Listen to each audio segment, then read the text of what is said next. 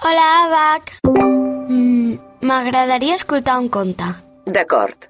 El busco al catàleg d'àudio de l'Abacus a RAC més 1. Aquí el tens. La princesa i el pèsol amb Núria Travessa.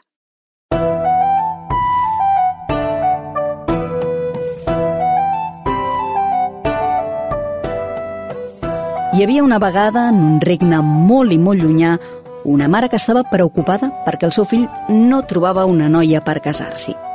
El fill era el príncep i pensava molt diferent de la mare, la reina. Ell tenia clar que no volia una vida avorrida al palau i preferia viure cada dia moltes aventures pel món. Li encantava viatjar i descobrir cultures noves, però la mare el perseguia sempre i li recordava que volia que es casés amb una bona noia i que anessin a viure junts al palau. De princeses n'havia conegut moltes, totes de països i cultures molt diferents, però cap li agradava prou perquè es convertís en la seva companya d'aventures. Què li passa, aquesta? Li preguntava la mare cada vegada que en refusava una. Doncs que és massa antipàtica. Li he explicat un acudit i no li ha fet cap gràcia. I aquesta altra, fill meu? Doncs és que fa massa olor de colònia, és molt presumida. I aquesta? Aquesta li he explicat els meus viatges i no ha parat de badallar fins que s'ha dormit. No li interessen gens les meves aventures pel món. El fill, cansat de sentir que la mare cada dia li feia les mateixes preguntes, una nit va preparar-se la motxilla i va marxar de Palau. El noi va travessar continents, rius, oceans, muntanyes i volcans, però no va trobar la persona que buscava. Finalment, tot moix i trist, va tornar a casa desconsolat. La reina mare no se'n sabia venir i quan ja ho donaven per perdut, va idear un pla.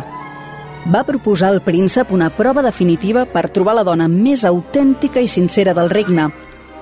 Perquè la reina ja havia entès que el seu fill no volia una princesa de volants, llaços i protocols. Ell volia una noia aventurera, que sempre digués la veritat, valenta i que no seguís la corrent dels romansos de Palau. Així doncs, van anar convidant totes les princeses més esplèndides a passar una nit al castell i els van preparar una habitació especial amb un llit amb set matalassos. El secret era que sota de la pila de matalassos hi posaven un pèsol. Sí, sí, ho heu sentit bé, un pèsol. Si la princesa el notava i no dormia gens bé, i els hi deia, llavors era la noia que buscaven. Però això no passava mai, perquè l'endemà al matí, quan la reina els preguntava com havien dormit, les princeses deien Ai, molt revés, sa majestat. Aquest palau és preciós, he somiat Fantàstic, i tot. Fantàstic, el millor llit on he dormit Ui, mai. jo crec que he roncat i tot. La reina i el príncep es miraven, desil·lusionats. I així van anar passant els mesos. Però de sobte, una nit de tempesta amb llamps i trons, van picar la portalada del palau. El príncep va anar a obrir perquè tothom del servei dormia i es va trobar amb una noia molt bonica, molla de cap a peus. L'aigua li regalimava per les trenes i duia el vestit tot xop. Malgrat tot, el noi va pensar que era la noia més bonica que havia vist mai. Bona nit. Perdona que et molesti aquestes hores. Soc la princesa del Regne del Nord. Fa mesos que vaig sortir de casa per fer la volta al món. Avui, quan feia camí dalt del meu cavall, ens ha sorprès una forta tempesta. Ens hem esperat sota un arbre, però ens ha caigut un llamp molt a prop i el meu cavall s'ha espantat tant que ha fugit com un dimoni. Llavors he començat a buscar-lo i m'he perdut pel bosc, fins que he vist la llum del vostre castell. Puc passar aquí la nit i demà ja sortiré a buscar-lo? El príncep la va fer passar, li va oferir roba seca per canviar-se i un got de llet calenta. Van asseure's, junts, davant la llar de foc i van començar a xerrar i xerrar, a explicar-se les mil i una aventures que tots dos havien viscut arreu del món. El príncep va anar a despertar corrents la mare, emocionat.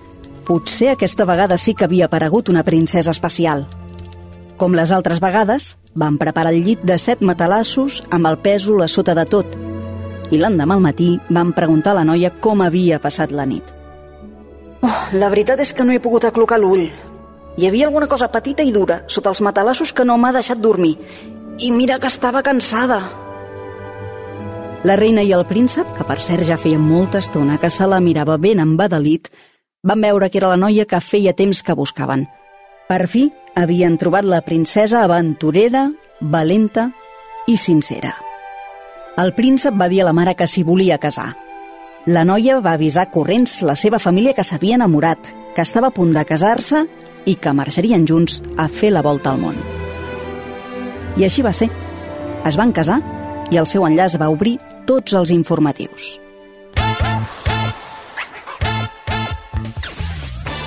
El casament del príncep i la princesa ha plegat avui milers de persones i ha tingut un ampli ressò internacional. Tots dos han marxat immediatament de viatge per fer la volta al món mentre les campanes repicaven.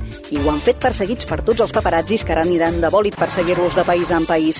Tot el regne ha sortit avui a dir-los adeu és una demostració evident de l'interès que desperten entre el poble les seves aventures. N'explicarem tots els detalls, com sempre, aquí, a rac I així va anar tot. Des de llavors, aquella princesa se la va conèixer arreu del món com la princesa del pèsol. Doncs aquest conte l'he triat perquè és una de les històries que m'explicava la meva mare quan jo era petita, per tant, ja d'entrada em porta bons records. I a la meva mare també era un conte que li servia per quan jo em queixava per qualsevol tonteria, perquè sempre em deia «Au, va, Núria, que sembles la princesa del pèsol». A Abacus trobaràs la millor selecció de llibres infantils i d'adults. Jocs de taula, joguines i tecnologia. Un univers de manualitats i articles de papereria. Idees i propostes apassionants per gaudir en família. Abacus ho té tot. Vine a la teva botiga Abacus o visita la nostra web abacus.com.